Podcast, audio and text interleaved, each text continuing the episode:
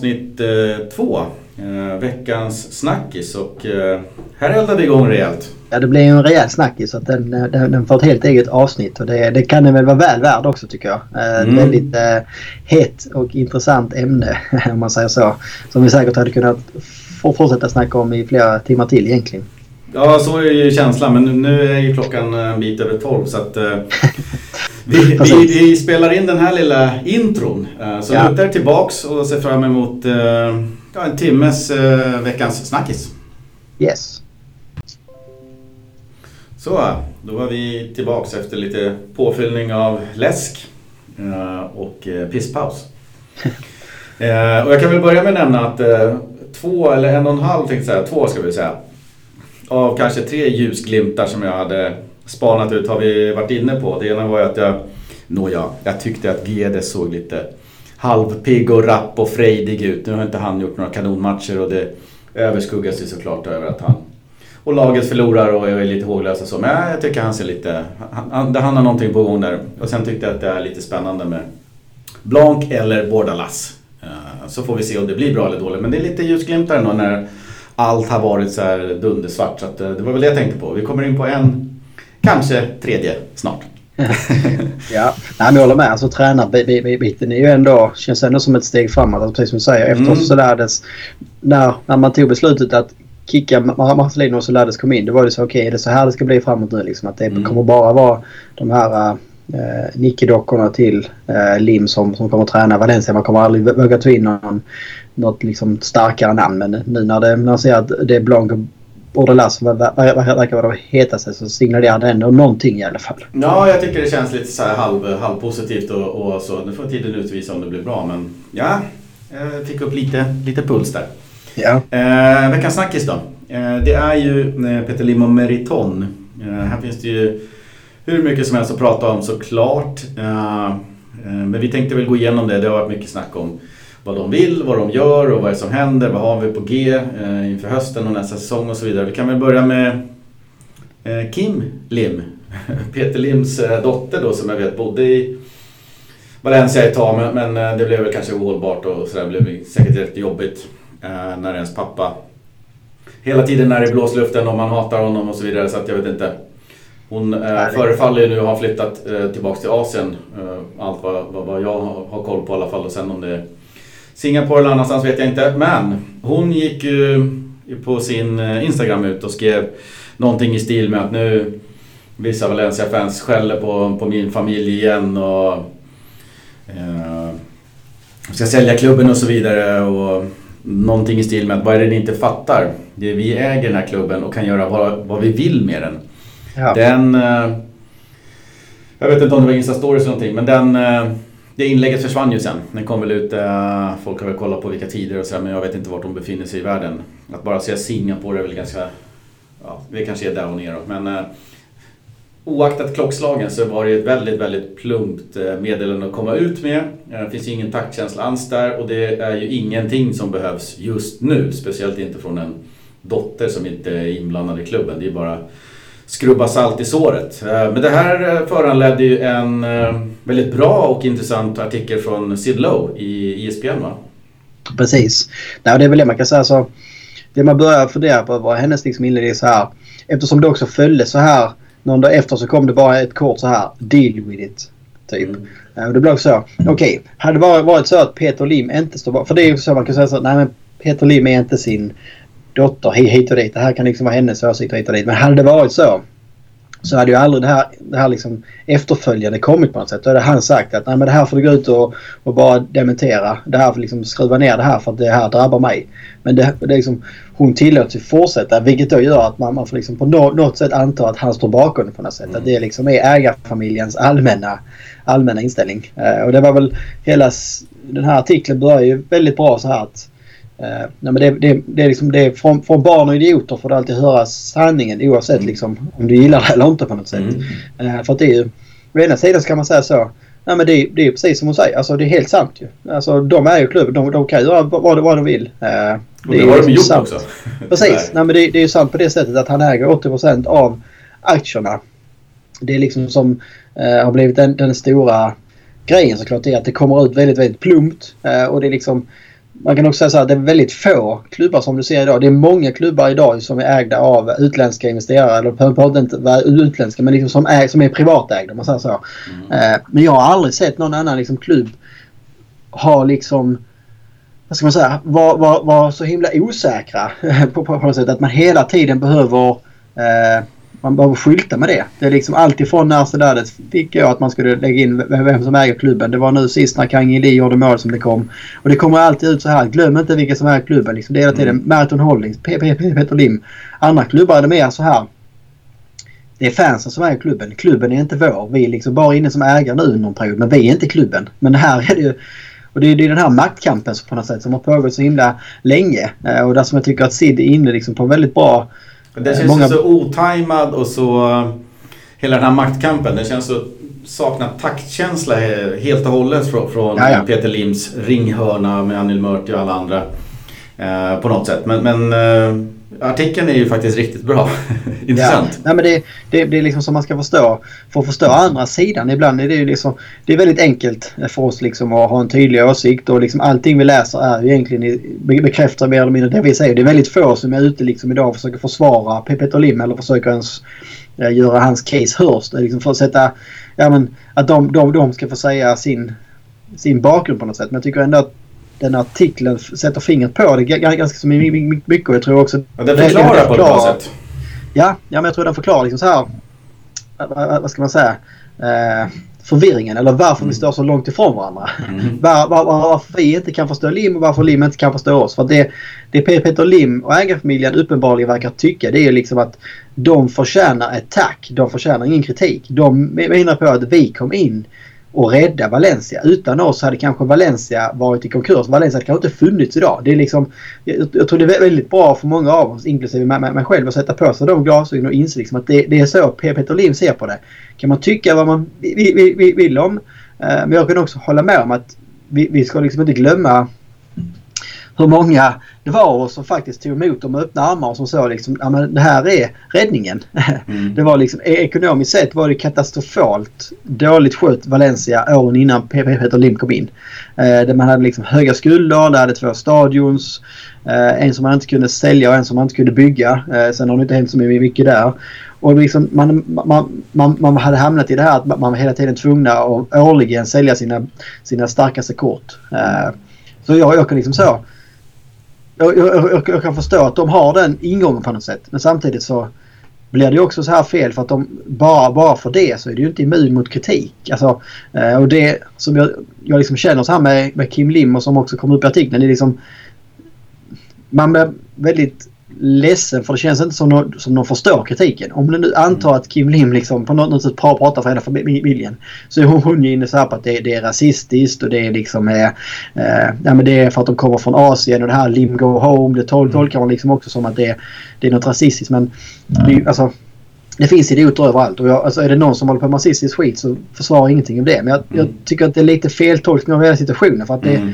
det jag upplever 99 liksom eh, frustrationen är. Det är att man bryr sig om klubben. Man känner liksom att själva hanteringen av klubben, alltså inte så här att framgångar hit och dit, att du vinner ett år och kommer sju ett annat år. Det, det, det, det, kan man liksom ta.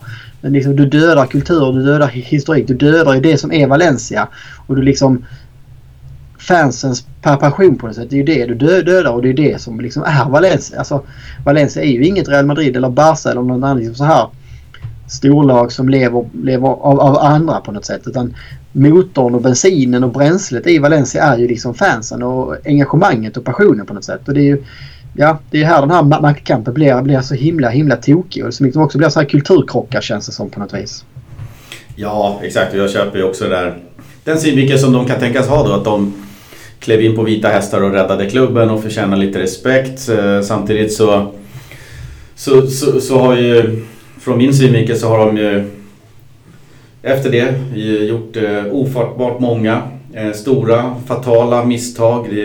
Det är, vanskötsel av, klubben och det är absolut inte någon maximering av en investering om man nu vill vara så iskall. Men, men, men jag, jag, tror att det är mycket så många ägare är. Att det, det är en investering om man ska maximera sitt värde och, och eventuellt göra en exit. Sen kan det finnas andra eh, mer humana tankar hos vissa ägare om att eh, här finns en fanbas och här finns ett kultur och ett arv och, och så vidare. Och, och jag, jag, tycker de har misslyckats kapitalt med, med skötseln av klubben. Men, men jag köper också Sid Lows eh, förklaring där att det, det, är så de ser på det. Och någonstans så har ju Peter och de här VDarna som han har haft, haft en, någon typ av ofattbar miss, eh, eller okunskap kring att liksom anpassa sig, lära ja. sig av misstag och liksom under fem, sex års tid nu vara någon annan typ av ägare när man liksom åkt på smäll efter smäll efter smäll. Liksom.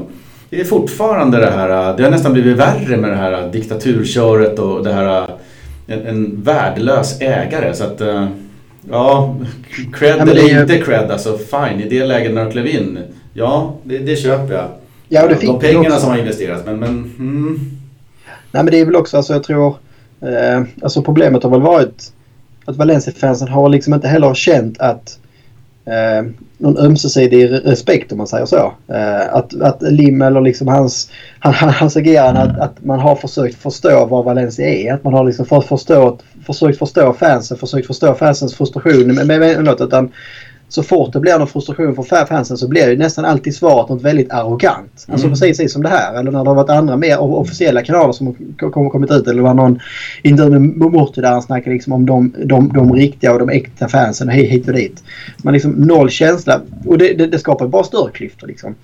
Om nu Lim och de här tycker liksom att Valencia-fansen har varit för dåliga på, på, på att förstå deras sida. Men det är väl, det är väl inte det är väl liksom inte rätt recept då att vara ännu mer arroganta då. Utan då liksom Nej, bara peka på att vi är ägare. Kom ut ja, med, nej, som vi har tjatat om hundra, kom ut med en plan. Kom ut med, ja. vad gör ni? Varför gör ni? Vad, vad, är, vad är tankarna? Hur ska vi nå toppen igen?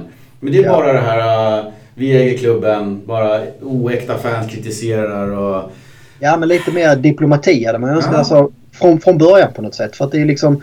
Hade Peter Lim kommit in i det här med lite mer ödmjuk inställning. Så här, men jag jag, jag, jag är inte från Spanien, jag kan inte exakt hur en fotbollsklubb drivs, jag kan inte spansk fotboll. Eh, då tror jag också folk liksom så, nej men fine, han har liksom insikt i alla fall. Det är det, det, det, det som jag tror att många irriterar sig på, att man har inte insikt. Man skickar dit liksom så här, ja men här har vi en president eller en VD som gjort det skitbra i min företagsgrupp. Hon får, hon skickar till Valencia nu. Hon var i en däckfabrik i eh, i Hongkong innan. Men det här kommer bli bra liksom. Det är ju bara som vilket så här ledarskap som helst. Det är bara att gå in och, och ordna upp det och sen så liksom maxar vi vinsterna. Och det är ju det är den här.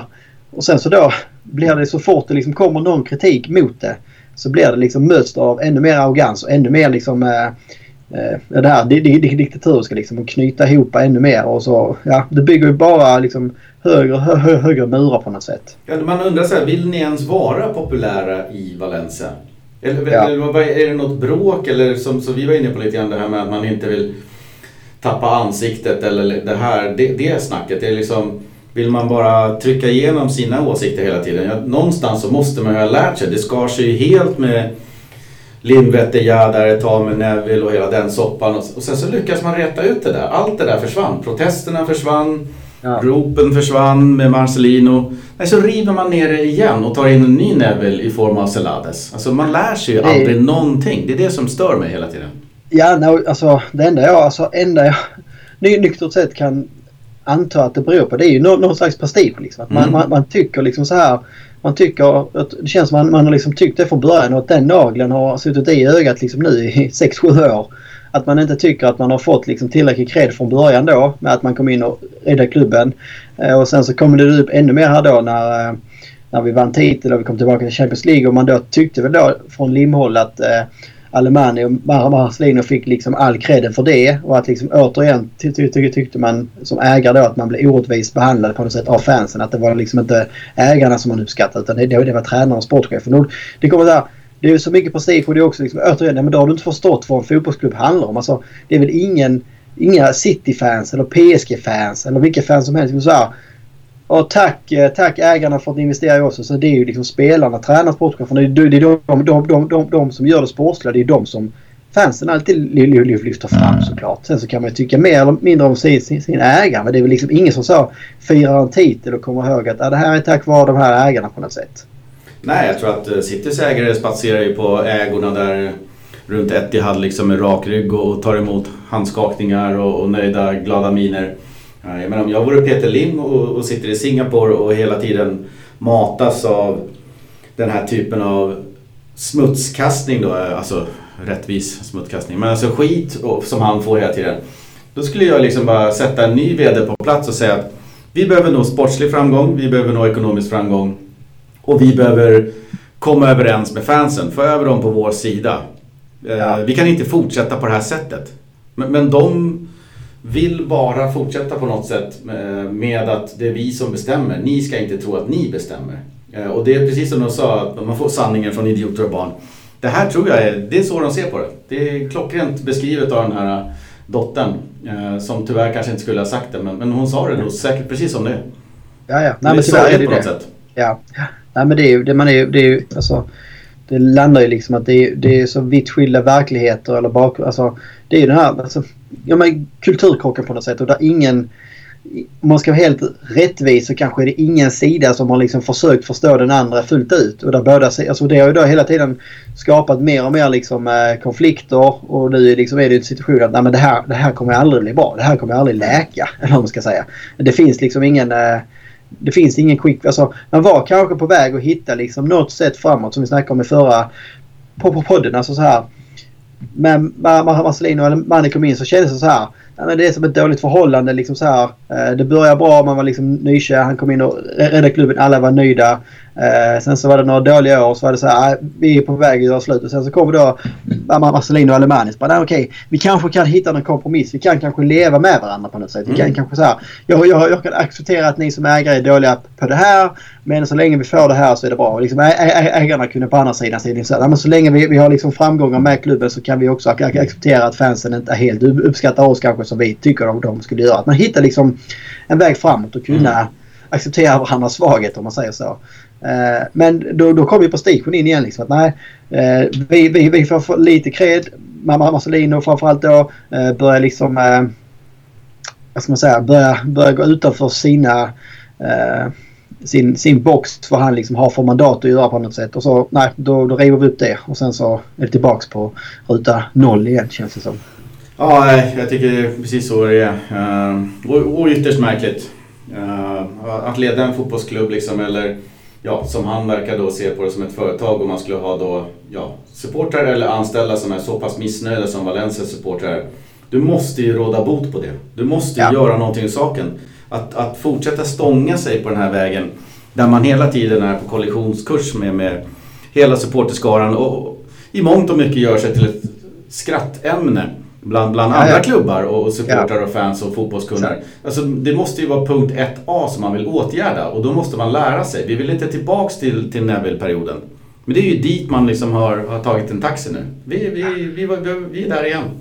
Ja, nej men då det är ju liksom någon av sidorna behöver ju, vad ska man säga, behöver ta sig tillbaka och vara lite vuxna i, i, i det här på något sätt. Mm. Och det väl ganska liksom uppenbart att det är ganska svårt att få liksom en hel fansmobb och liksom stanna upp och se nyktert på saker. Visst, man, man, kan ibland...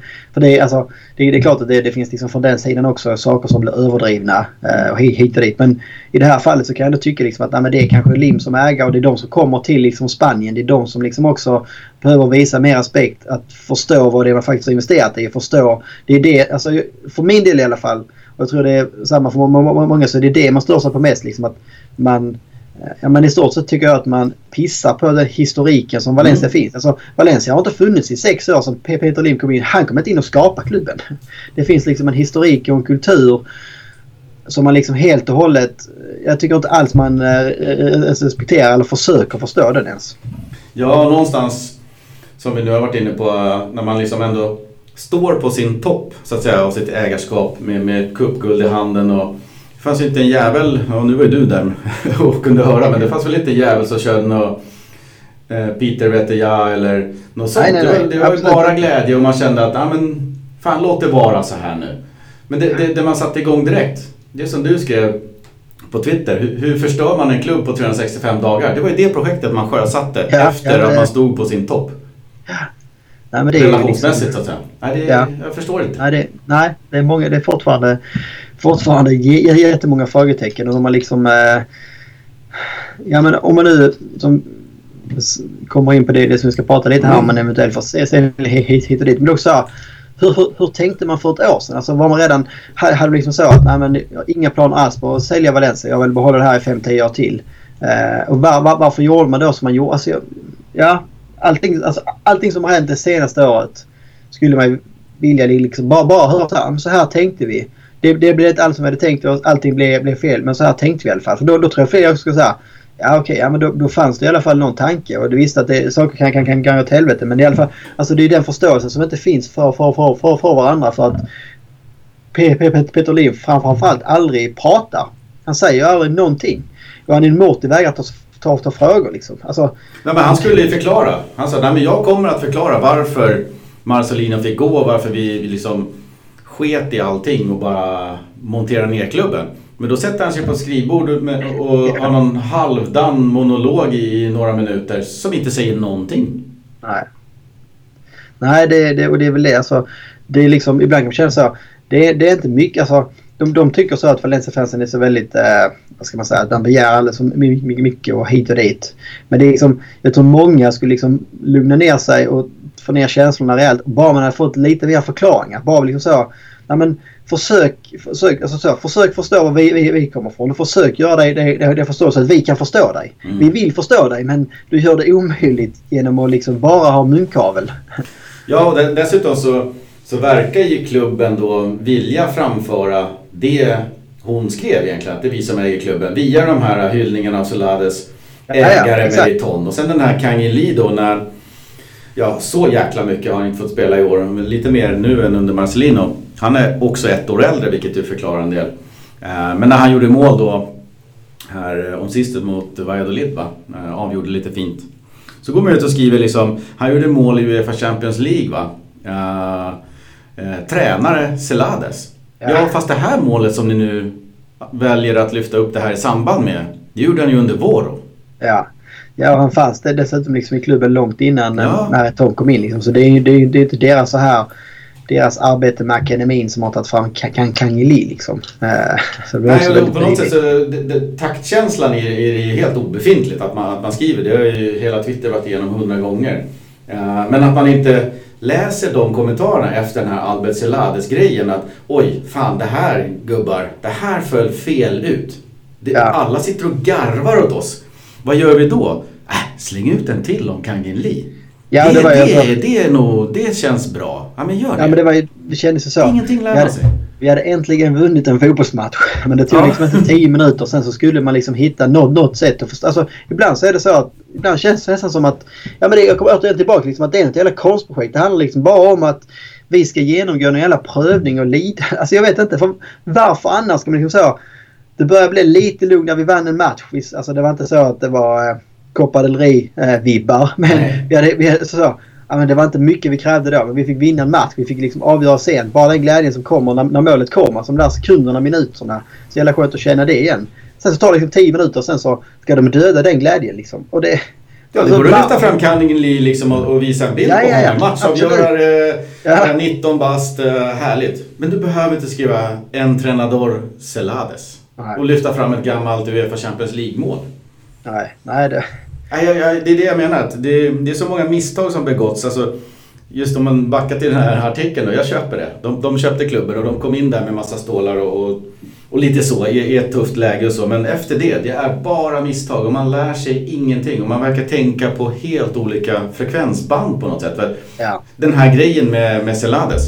Den stormen som det blev Alltså Anil Murti måste ju läsa det här. Om inte det så har han ju folk som läser det här. Om inte annat så den här Twitter-nissen som sitter bakom det offentliga kontot läser det här. Och så många svar som han får på, på alla de här. De måste ju läsa det och fatta. Här är Valencia-fans som gör oss till åtlöje. Alltså de skäms över det här. Hur kan man då göra det igen? Ja men det är det jag menar. Alltså, det, det, alltså, det, har, det, känns ju nu som att det har blivit liksom som en jävla sån maktkamp liksom. Där, Vi ger där, oss där inte. Bara, nej, nej precis. Alltså det är verkligen så barnsligt liksom. Att, nej, men, vi, vi ska minsann vi, vi, visa att vi gör vad vi vill. Alltså precis som du säger att mm. hennes meddelande det är ju det är, det är precis den, som, den strategi som klubben lever efter nu. Att eh, det är vi som är klubb. Vi, vi, vi kan göra vad fan, vad vi vill. Vi gjorde det mot Celades. Ni hatar det. Ja, kolla här. Vi, vi gör det igen. Alltså det är verkligen så. Eh, nioåringar liksom som sitter och bråkar. Det är vi som har all makt. Vi, vi gör vad vi vill. Vi skiter i om ni tycker om det eller inte. Och det, det är ju det som det är det som också blir ännu mer frustrerande då när när liksom Lim-familjen försöker vända det, det för att det är för att de kommer från Singapore, det är rasistiskt hit och dit. Så, nej, alltså kolla vad som liksom... Det är ingen som liksom så säger att Lim är en dålig ägare för att han har en asiatisk bakgrund. Alltså jag hade inte brytt mig om han kom från Teckomatorp eller han kom liksom från eh, Valencia eller han kommer från Mm. Singapore.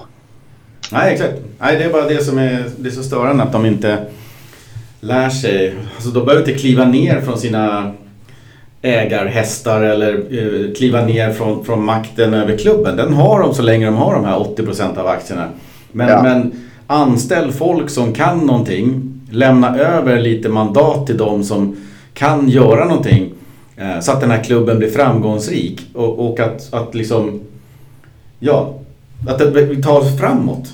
Ja. De, de verkar bara liksom eh, gräva ner oss i en grop djupare och som ett barn fortsätta hävda sitt ägarskap. Ja, och i alla fall liksom lä- lä- lära sig av de här allra största tabbarna i alla fall. Alltså att de inte lär sig av allting. Det, det, det får man väl liksom... Mm. Det, det, Men sex år har gått liksom. Och det har, det har Ja. sett ut så här förut och det har stormat kanske ännu mer förut. Att man liksom inte känner att dit vill inte vi tillbaks. Vi måste lära oss någonting. Men de verkar vara helt blint inslagna på att vi ska lära Valencia-fansen. De ska fan Ja, sätta sig exakt. ner i båten. Ja. Det är vi som styr. Men de Nej, kommer det- aldrig dit. nej. Nej, eh, vi går väl in på den, den möjligtvis eh, sista ljusglimten här då. Eh, den tredje. Eh, det har väl nu, ja för första gången ska vi inte säga kanske, men eh, kommer lite uppgifter om att eh, Peter Lim har sagt åt eh, Jorge Mendes att hitta en köpare till klubben. Då han enligt eh, vissa uppgifter då ska ha ledsnat på allt. Eh, dessa uppgifter är obekräftade. Ibland kommer det Eh, andra uppgifter om att så inte är fallet. Eh, vad vet jag. Men, men eh, det verkar vara lite mer rök den här gången. Så får vi se om det finns någon eld där bakom. Men snacket är igång. Och det vore väl något om vi äntligen blev av med Kahn kanske. Ja, men det känns ju som alltså... Det har ju, nu har vi, liksom- nu har vi liksom gått igenom i korta sammanhang i alla fall de senaste 6-7 åren. Och det känns liksom... Allt det här har ju på något sätt eskalerat och kom, alltså den senaste, bara den senaste månaderna eller om vi tar senaste 10 månaderna så har ju liksom... Det har ju blivit ohållbart liksom. Mm. Eh, och det är väl det som jag tror Lim också känner att... Alltså fine att det liksom är lite... Eh, vad ska man säga? lite mo- motstridiga känslor eller hur man ska uttrycka det som, som det varit hela vägen. Men jag tror det, det, det, det, det, det som har hänt nu har väl liksom också varit droppen för honom. Eh, han är också liksom 70 plus. Alltså, det som vi liksom har sagt många gånger. Alltså, varför, alltså, var, varför säljer han inte bara liksom för att fokusera på nå- någonting annat? För det här kan ju inte ge han energi och det ger ju honom uppenbarligen kanske inte så mycket pengar heller. Och han verkar inte ty- ty- tycka det är roligt. Han är liksom aldrig på, på, på Mestalla längre. Alltså, det är väl en win-win för alla nu liksom att bara, bara klippa bandet. Eh, sen så är ju inte Peter Lim liksom någon, någon välgörare som bara säger nej men nu är jag trött på det. Sälj till den, den som betalar högst liksom. Utan han, eh, precis som vi var inne på innan om vi, vi ska gå in på här nu så Ja, kommer det liksom finnas lite olika steg i, någon, raket så att säga eh, för att han ska sälja det. Men eh, att, han, att han börjar fundera åt det hållet det är väl bara, bara, bara, det är väl ändå någonting. Eh, sen så är det, det är ju Ja, det var ju som, jag tror det var du som sa det sist liksom att så som det känns nu så känns det som att allt annat än Peter Lim vore bra. Men det Så kan ju är också det. bli ord som vi någon gång kommer att behöva äta upp. Ja, så är det ju. Känslan just nu är att någonting annat. Eh, Så, är, så illa tycker jag att klubben eh, är skött sista året och man ser de här sex åren så i stort sett så, så är det ju ett praktfiasko som ägare som vi har. Eh, Så att man känner att det mesta vore ju bättre. Men det finns ju samtidigt klubbar som har, som har rasat helt och man, ja, man kan väl rycka, rycka ett Leeds ur hatten kanske och det finns säkert andra klubbar som totalt har kapitulerat och, och liksom misskött. Så, att, så det är klart det finns värre men, men eh, just nu så känns det lite positivt. Och, Gärna det håller jag med om. Alltså det, det, det, jag tycker också det, det finns eh, det finns liksom en, en större uppsida än nedsida av att vi får in en annan ägare. Förhoppningsvis också eh, Förhoppningsvis också kan det kanske bli någon, någon som är lite närmare om man säger så. Mm. Eller som i alla fall liksom har inställningen att eh, jag är bra på mina saker men det finns andra som är bättre på att sköta en klubb om man säger så. Ja, låta pengarna jobba på något sätt istället för... Ja, ja. Ja, eh, jag vet inte om vi ska nämna, jag vet att det var någon, undrar om det inte var en eh, av dotterns bröder där, någon annan son till Peter Lim som hamnade i någon liten ordväxling, i någon Twitter-slinga med någon journalist också läste jag mig till någonstans att ja, det var onödigt att skrika på Peter Go Home. Uh, han är ju home. Han, han, han Ja. är inte där. Han är 70 bast och kräver att han liksom ska vara på plats. Det är tufft för en 70-åring att resa så här mycket. Och, ja, det vet inte fan vad jag tycker om. Han sitter ju i jäkligt bekväma stolar i en egen privatjet och så. Men, men han var ju också ute och försvarade eh, lite grann mot någon journalist där läste jag. Nej men det, man blir lite så för att det är ju... Eh, alltså barnen går ut och skyddar sin pappa, pappa vilket alltså å ena sidan så är det såklart, ja men...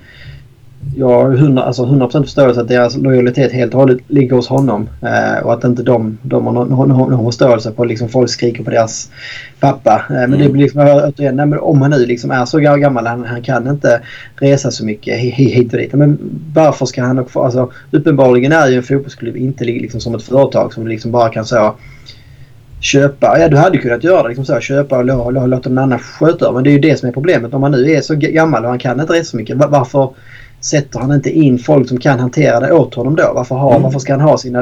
Okej, alltså. Han ver- ver- verkar ju också ha någon slags liksom, trust issues på något sätt. Att han vågar ju inte låta liksom uh, Alemani, Marcelino hantera det och sen liksom utgå från att, att, de, att de, de gör det bra. Utan han ska ju ha in sina folk liksom, och som ska ha koll på alla grejerna på något sätt. Så han litar ju inte på någon annan än, än sin egna. Vilket också kommer tillbaka till den här liksom, kulturkrocksgrejen Mm. på, på, på något sätt.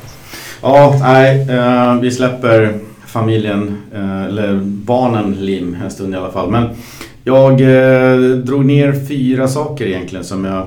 Det finns säkert fler men det finns åtminstone några saker som jag kom på behöver klaffa. En sån här försäljning är det ingenting man slänger upp på Blocket och så hittar man någon rolig köpare. Utan det ska finnas en köpare då och det måste finnas ekonomi på plats där och, och det är ju till att börja med inte det lättaste. Sen måste ju då Meriton eh, och en eventuell köpare då värdera klubben lika och således komma överens om en prislapp. Här tror jag att eh, idag är det omöjligt. Jag tror att en potentiell köpare skulle värdera Valencia betydligt lägre eh, baserat på hur hur det sköts, hur det ser ut, eh, vilken status klubben har och så vidare. Där tror jag Meriton eh, eh, värderar klubben betydligt högre än en köpare vilket ju då gör att man inte skulle kunna komma överens här och nu i, enligt vad jag tror i alla fall. Och i dessa sammanhang så finns det liksom inget annat än ren och skär eh, girighet och affärsmannaskap i sikte för Meriton. Eh, Ska de kliva av så då vill ju de ha betalt. eh, Vad de tycker är värt att, tjäna pengar.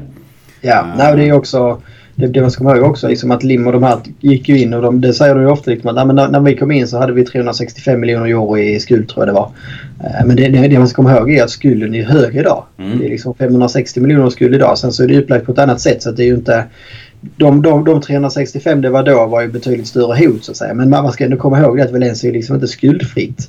Eh, vilket, också såklart en ny köpare behöver värdera och liksom se Eh, hur det skulle kunna... Ja, hur man liksom på, en plan för det på något sätt. För att det, det, det finns ju inte på, på samma sätt som det fanns när, när Lim, Lim har ändå kunnat gå in med liksom göra lite tyngre investeringar. Eh, det kanske, den nya ägaren kanske först behöver komma in och, och städa eh, på, på något sätt innan, innan man kan liksom bygga på skuldberget ännu mer. Ja. Uh, och de två sista punkterna, trean för att vi ska komma till ett läge där liksom Meritol vill eller kan göra en exit så måste ju grisen sminkas upp deluxe här och om nu Peter Lim har gett order om en försäljning så gör han ju faktiskt bäst i att Ja, till att börja med anställa en vettig tränare, ta in eh, rejält med pengar då på några spelarförsäljningar för att täcka lite hål och skulder. Och se till att det sportsliga funkar till nästa säsong och allra, allra helst då med en Champions League-plats som resultat av det. Uh, och sen behövs det ju såklart uh, som sista punkt ska jag tiden då. Uh, det krävs en tid för de här försäljningarna. Uh, men det är ju mer intressanta tider uh, om bollen nu faktiskt är i rullning. Då kanske man kan börja sondera terräng och så vidare. Och en, ett stort problem som Peter Lim har det är ju det problemet som han inte lyckas lösa och det är ju Mestalla. Han Ja, uh, ja, har inte lyckats uh, sälja marken trots att man tog in Deloitte. Uh, och han har inte lyckats sätta igång bygget på den nya. Uh, det är ju ingenting som en, som en ny köpare kanske känner att ja, men det här är ett idealt läge. Liksom. Hade han lyckats sälja gamla Mestalla eller marken eh, och, och bygget är igång. Då skulle han ju garanterat få uh, mer betalt och det skulle vara ett attraktivare köp tror jag. Uh, så att han har ju den rävsaxen hela tiden att det här Mestalla-projektet, nya gamla Mestalla, det är ju enorma pengar som ligger där och det är stora investeringar som ska göras. Och det, kan man inte sälja den marken, nu vet jag inte hur mycket Corona hindrade det, men den, de höll väl på med det där i alla fall eh, minst ett halvår. Om inte ett år innan coronan då. Men de har ju inte lyckats sälja där. Så att, ja, tid eh, behöver ju och jag tror att ska han sälja den då, då måste de eh, se till så att det blir en, eh, en attraktiv klubb att köpa. Någonting som någon annan vill ha. Ja men exakt. Det är, alltså, kollar man så här liksom Snapchat på nuläget så är det verkligen köparens makt om man säger så. Alltså sportsligt sett är det, är, är det kaos. Sportsligt sett kommer liksom den kommande säsongen vara utan Europaspel. Är, är det liksom bara ett eh, hack i kurvan eller kommer det liksom bli långsiktigt så? För det, det ska man komma ihåg. Liksom som ny ägare så är det ju det man kommer in. Men vad, vad finns det liksom för möjligheter till intäkter? Och där är ju Champions League oerhört viktigt. Både liksom för generella intäkter, tv-intäkter men det, det kommer också till rent sportsligt kunna värva spelare och få liksom locka spelare på något sätt. Uh, och kollar du på allting annat runt omkring klubben så är ju allting är väldigt skakigt nu. Alltså det är ju verkligen ingenting som ligger Peter Lims vågskål. om man säger så. Så att jag är helt inne på liksom punkt tre här. Det var också som jag snackat tidigare avsnitt här om att jag förväntar mig liksom att det blir eh, att det blir liksom ett sista luftslott som, som Lim och Mendes ska koka ihop här i sommar. Jag tror att eh, eh, Lim vet att det tar tid. Det är därför som man liksom idag flaggar för att han är intresserad av en försäljning. Hela det här året kommer väl bara vara liksom att hitta en seriös köpare. Och sen så kommer det vara olika klausuler hit och dit. Att kommer Valencia till Champions League i det här priset. Kommer man till Europa League är det det. Uh, och då får ju Lim också ursäkta, möjligheten att uh, ja, men, jobba på de grejerna som köparen tycker är viktigt. Det, det kan ju vara att det kommer in en köpare som det det viktigaste för honom är att eh, stadionfrågan sig. Ja men då vet Lim det. Då fokar han på det. Det kan komma in en annan köpare som säger att men för mig viktigast att, det, att, att, att det kommer tillbaka till Champions League. Allt det där andra har jag bra folk som kan, kan, kan hantera. Så att det är liksom inget... Jag, är, liksom, jag tror det är under, under 5% om man säger så. Att Valencia har en ny ägare eh, inom 12 månader. Jag tror liksom mm. tidigast nästa sommar kommer vi kunna, kunna liksom få till ett ägarbyte om man säger så. Ja, verkligen. Jag tror att det, i dagsläget så finns det alldeles för stora knutar att lösa. Inte minst med eh, eh arenafrågan, eh, arenafrågorna. Eh, eh, den, den, är, den är, det är jätte dealbreaker där. Eh, och sen så tror jag också att själva värderingen av klubben, eh, vad en köpare kan tänkas vilja kliva in, i, in med kontra vad, vad Meriton vill ha ut från det.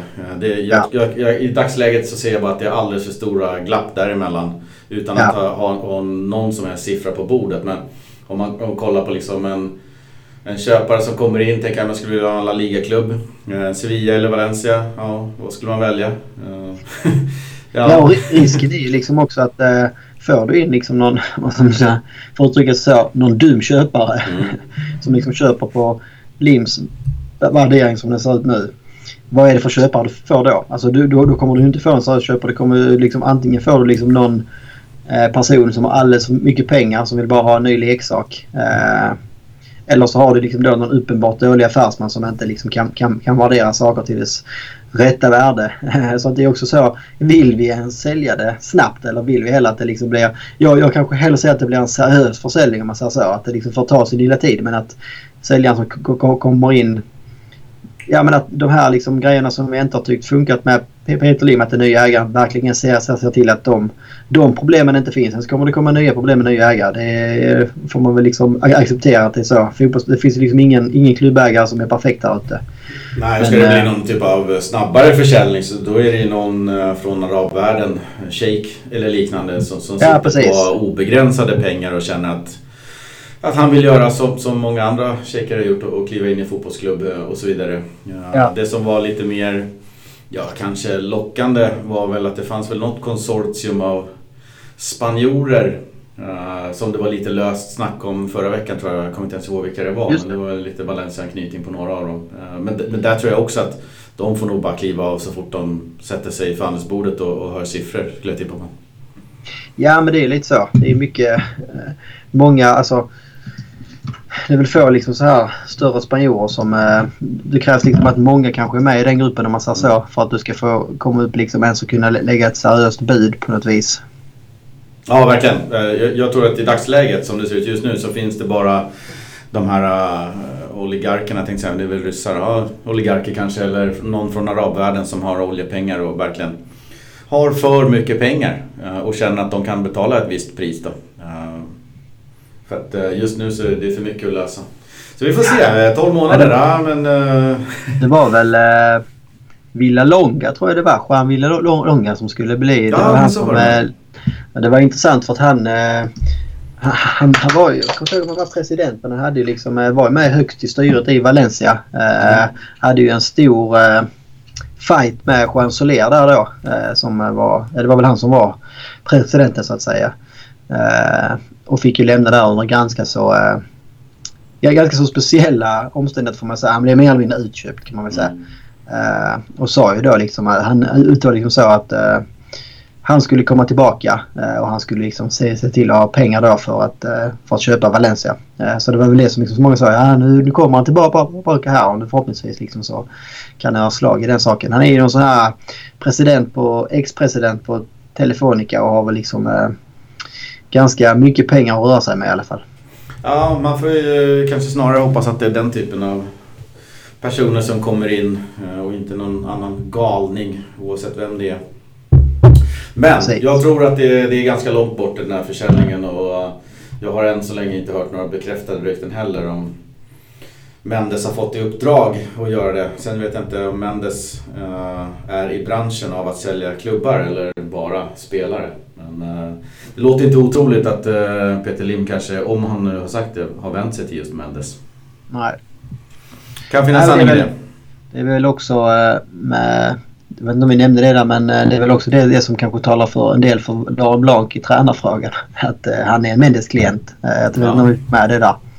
Ja, eh, vi kan ju nämna också, det kom en eh, artikel på Superteporte idag om eh, det här är nya satsningen mot 2021. Det var ganska spännande med rensning i truppen om inte annat. Det snackades ju om att eh, Silse, Mangala, Parejo, Gamero Uh, och några till skulle liksom städas bort. Man skulle ta in en ny tränare. Det var snack om att uh, Jaume Costa och Florenzi uh, var visst önskvärda och uh, skulle få fortsätta i klubben. Och att en klar och tydlig idé om att satsa på de unga spelarna är en- liksom en grundbult i, i nästa säsong. Ja, no, det, det rimmar väl alltså både så. Du behöver kanske rensa bort liksom de här gamla ledarna från omklädningsrummet då för att de här s- satsar på de här unga, semi-unga spelarna. Då, då behöver de liksom också få lite ledarroller på något sätt i laget. Mm. Eh, Samtidigt som det nog såklart också har mycket rent ekonomiskt att göra. Det är klart att Parejo, Gamero, Kondogbia och sådana här spelare de sitter ju liksom på de högsta lönerna på något sätt. Mm. Eh, Så det är ett sätt att sanera också på något vis. Ja, det skulle ju, någon typ av önskescenario är väl att man får in en rejäl sudd med pengar då, då eh, som dels täcker de här 100 miljonerna som man säger att Valencia behöver då för att fortsätta snurra och överleva. Eh, jag tycker också, som det har sett ut nu som vi var inne på, det här ryggradslösa beteendet, att det, finns ett ansvar hos spelarna också. Och har man kommit till den punkten när man liksom har tappat tron till den milda grad att man bara beter sig sådär på planen, ja men då kanske det är dags för någonting nytt för Parejo och, och några till. Eh, men, men det krävs också en satsning liksom. Det kan inte bara handla om eh, ungdomar. Jag menar, det tar ingen, oftast ingen Champions League-plats eh, på det då. Då ska det vara en rejäl eh, utveckling på Kangeli till exempel. Att han ska kunna ta en, en ordinarie tröja och, och driva ett Champions League kämpande lag från ett centralt mittfält liksom i maskinrummet. Och jag har inte sett det än så länge. Nej men det, det är väl alltså... Det är jag fortfarande inne på, alltså, som jag snackat innan om att det kan vara bra för Valencia kanske att man inte är alls i Europa för man kan bygga liksom en lite tunnare trupp men som kan då bli spetsigare. Liksom. Men det är klart att kan du bli av med löneposter på Parejo, Gamero, Kondogbia och så vi- vi- vidare de här som liksom sitter på de höga lönerna och liksom få in eh, ja, men kanske lika många spelare eh, och det delar upp deras löner på något sätt. Eh, kan du få in liksom lite så här någon spännande spelare från portugisiska ligan. Eh, för tränare som kan få dem att lyfta. Vi liksom ska försöka hitta de här ljusglimtarna. Så Mm. kan det ändå finnas någonting där tror jag. I alla fall och då, det var det som jag liksom den här cliffhangern som jag hade från början. Det var den som jag liksom. Jag tror att vi alla kanske i så fall bara ska gå in med förväntningarna om att det här är ett luftslott. Det här liksom handlar om att sminka grisen Mm. eh, först och främst. Mm. Det är inte omöjligt att vi får att vi studsar tillbaka kommande säsong. Eh, vi, vi får en sån här Nuno Spirito Santo säsong där vi liksom eh, det, det, det flyger, det kommer in nyförvärv som flyger direkt. Eh, det, det liksom ser lite bättre ut än vad det kanske egentligen är om man säger så. Eh, och sen så får väl hela då ägarfrågan eh, bli mer utgången för om, om, liksom, vad, om, om man fortsätter på den inslagna vägen eller om det blir liksom börja om igen när det kommer in en ny ägare på något sätt. Det är väl det som är den stora brasklappen. Men ja, alltså, idag så tror jag liksom, eh, ser mycket, mycket positiva på kommande säsong. Eh, även om eh, jag också är rädd för att det blir liksom kortsiktigt en boost bara men att det kommer vara ett luftslott som vi bygger och inte liksom någon långsiktig satsning som det kändes liksom som vi var på väg mot med Alemani framförallt som arkitekter liksom som börjar rita upp det nya Valencia som liksom liknar det som liknar liksom samma filosofi som man hade i början av 2000-talet. Att eh, hitta de här fynden som liksom en del klubbar eh, bommar. Liksom. Alltså, de här Kondobia och Coquelin som är lite bortglömda i eh, Arsenal och i Inter. Liksom. Alltså, för dem hitta, alltså, du vet att det finns en enorm högsta nivå men de har haft ett par säsonger där de inte riktigt får fått ut det. Hitta de billiga spelarna. Hitta en Guedes liksom, i PSG som behöver liksom mer eh, regelbunden speltid och få igång liksom Rodriguez. Alltså, den filosofin tror jag mycket på för Valencias del och det är ju det som Atletico Madrid och Simeone har varit otroligt bra liksom. Alltså hitta de här. Du letar inte på samma hylla. Du kan inte kolla på samma hylla som Real Madrid eller Barca eller City eller PSG liksom. Utan du behöver kolla någon hylla ner och sen så gäller det liksom att du får jäkla utveckling på de, de, de spelarna som du väl tar in. Ja, du måste ju ha någon som kan sin sak. Du kan inte tappa bollarna som på det sättet Valencia har tappat eh, vad det verkar Guillamon och vad det verkar Ferran Torres det är inte det sättet man, man förädlar talanger och det är inte det sättet man liksom får maximalt betalt ur dem. Uh, det, det, det jag ibland studsar tillbaks till det är att jag vill ju ha någon som Alemani som tar Gonzalo Villardo då, från uh, Segunda B, uh, ja, Mestalla-laget. där han börjar bråka lite grann och vill ha något kontrakt med, med A-laget och bla bla. Så skickar man honom för att han inte liksom rättar in sig i ledet. Ändå så täljer man ut, var det 5-6 miljoner av Kahn ja, ja. från Elche. Dit man liksom sparkar ut spelare, så vi vill inte ha det. Ändå så lyckas han skriva in ett kontrakt där vi har 80% i vidareförsäljningsklausul och så kliver Roma in och köper Alltså vi måste ha folk som kan sin sak på den här spelarmarknaden, som sniffar ut talangerna, som vet vad, vi, vad tränaren vill ha och liksom allt det där. Ja, det går inte att ha någon Allen Murty där eller någon annan av de här jävla tomtarna som de har haft. Ja, men det är därför som jag liksom fullt övertygad om att, det liksom, att vi tappar Marcelino. Fine som tränare kommer och går lite oftare liksom. Och mm. de, de får mer inrikta sig på så. Du kommer in, du kommer få två, tre säsonger på dig. Sen så är det liksom normalt sett så blir du utbytt. Alltså det, det är så det ser ut idag. Eh, det finns liksom väldigt få eh, Simeone eller uh, Ferguson eller uh, uh, de här liksom tränarna som, som, som kommer in och stannar i, i 5, 10, 20 år. Liksom. Det, det, finns inte på samma sätt, sätt längre. men du behöver ju alltså, behöver ha någon, någon, som liksom har en tydlig plan och filosofi bakom. Och där, där var det, alltså alla Manni som var arkitekt. Alltså, det var ju det största tappet var ju att tappa honom på något sätt. sen har jag full förståelse för att han liksom ville lämna själv. När, hade, hade man bara hanterat Marcelino-gate på ett annat sätt och kanske gjort det förra sommaren. Kanske liksom så eh, i samförstånd kommit fram till en plan att men, Marcelino har nått vägs ände. Det är dags för, det är dags för dig Alemani att hitta en ny tränare. Du, du ska vara kvar. Liksom. Du, du, du är arkitekten framåt men du behöver hitta en ny tränare. Så att, tror jag liksom att han hade varit proffsig nog att kunna sköta det även om han och Marcelino liksom var tajta. Ja, nej, det, det, jag tror att det är A och O att hitta någon struktur i klubben. Och en viktig pjäs där är ju den sportchefen då, sen om det är Laurent ja. eller någon annan. Men, men, men den rollen liksom att på det här sättet vaska pengar som det ser ut som Valencia håller på med nu med dyrbara guldklimpar, det, det håller inte. Nej. Ja, ja. Eh, det var nog det. Jag hade en grej till som jag Nej, då kör vi. på volley här. Vi, vi eldar vidare. Vi har ju inte så långt avsnitt idag så jag tänkte vi kan passa på. Fyller ut lite på slutet. Ja, vi måste bara ta upp det här med... Jag satt och kolla på Champions League-lottningen eh, så får man ju lite så här kalla kår. Alltså fan, alltså det är länge sedan. Om nu, vi säger alltså, Valencia hade ju Atalanta i eh, åttondelsfinal. Och det mm. var ju liksom på pappret en, en, en, ja, men en drömlott. Liksom. De hade aldrig varit i Champions League åttondelsfinal tror jag. Eh, och de lagen vi, vi kunde ha fått så var det ett jäkligt bra motstånd. Mm. Eh, men vi, ja, vi, hade, vi hade inte chans där och gjorde liksom två riktiga dåliga insatser. Men tänk liksom ett normalt Valencia där som hade liksom kunnat sluta Atalanta. Du hade ett PSG enkelmöte väntat i kvartsfinal. Ett PSG som inte spelat match sen, ja, men sen hela det här corona, februari, mars någon gång. Mm. Eh, I ett enkelmöte på neutral plan. Eh, även om man skulle slå underläge där så känns det liksom ja, det, det hade kunnat vara 50-50 i alla fall. Om nu pratar normalt Valencia liksom. Inte det här som vi såg mot... Ja, Marcelino Valencia. Ja men exakt. Sen är det då Leipzig eller Atletico i en eventuell semi. Och ja, men nu, ponera att det blir Atletico Madrid. Ja, det är klart att de ofta är bättre än Valencia men det är ju fan med ingen, ingen överkomlig uppgift. Liksom. Alltså nej, slå, nej. slå dem i en match. Och då är du liksom framme i Champions League-final. Mm.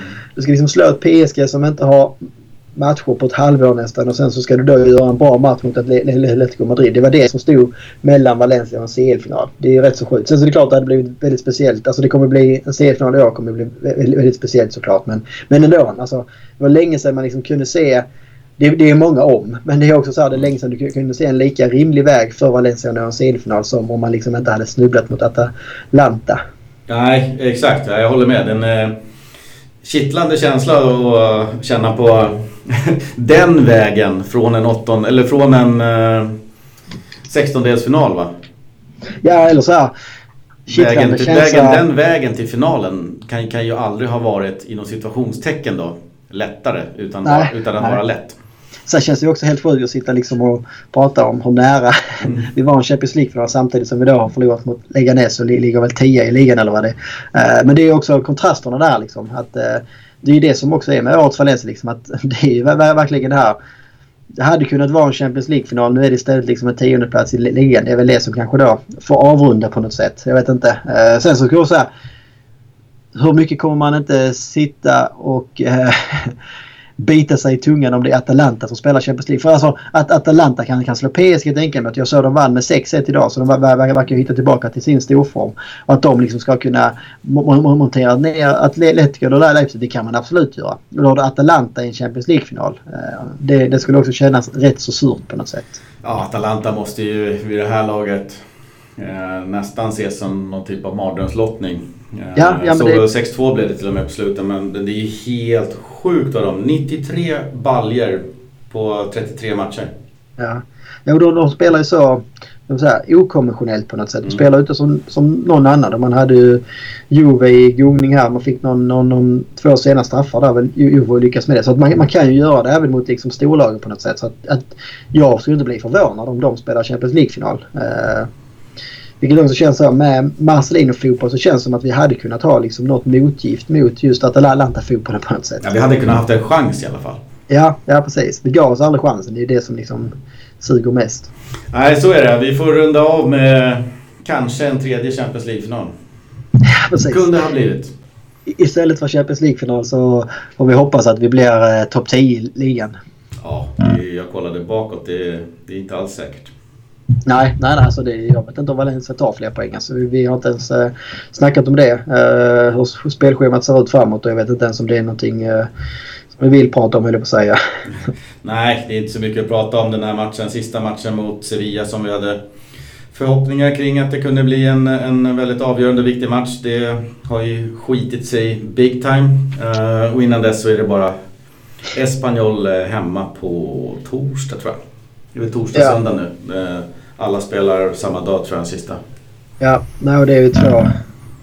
Espanyol har redan åkt ur och Sevilla har redan säkrat Champions League-platsen så det kommer att vara två matcher som inte betyder ett skit. Och Valencias läge liksom att nå en Europaplats är väl... Det finns väl for, for, fortfarande någon slags eh, halmstrå. Eh, blev väl också, jag vet inte om det blev klart i dagarna men det, eh, Eh, att Copa del Rey-finalen ska ju spelas senare i augusti och anledningen till att den då, eller på grund av att den spelas så sent så kommer det också innebära att vinnaren av Copa del Rey i år som då är Sociedad mot Athletic Bilbao. Inget av de lagen, eller vinnaren där kommer inte få en Europa League-plats som, som det brukar vara.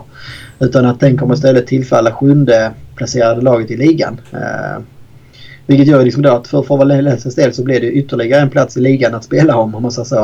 Eh, men man har fyra poäng ut på det två omgångar mm. kvar. Eh, så att hoppet finns men det, det, finns väl ingen som egentligen tror på det. Att Valencia behöver gå fullt och det är två lag framför oss som ska, ska tappa poäng så att säga. Vad var anledningen till att man inte delade ut Europa League-platsen där? Var det för att man vill ja. gärna spela den matchen eller den Copa del Rey-finalen eventuellt med publik eller?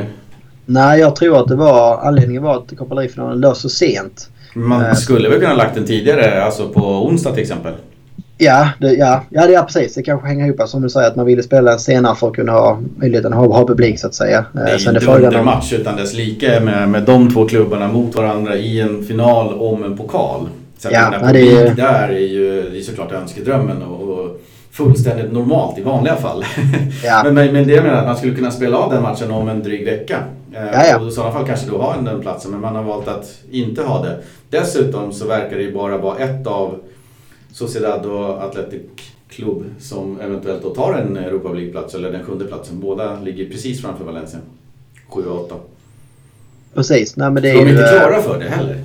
Nej precis, nej, det är väl om, om, Getafe klappar igen helt här mm. som båda kan ta det. det. det. är väl de som är framför där som skulle kunna tappa det men eh, nej, det ser ut som att det är någon av, någon, någon, någon av dem som bommar det så att säga.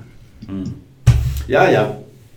Vi får hålla tag vid den lilla halmstrået att det finns en liten Europa möjlighet kvar. Eh, det har inte triggat spelarna nå vidare eh, hittills så att eh, det skulle förvåna om de gör det. Men å andra sidan Espanyol eh, avsågar i botten och Sevilla eh, klara.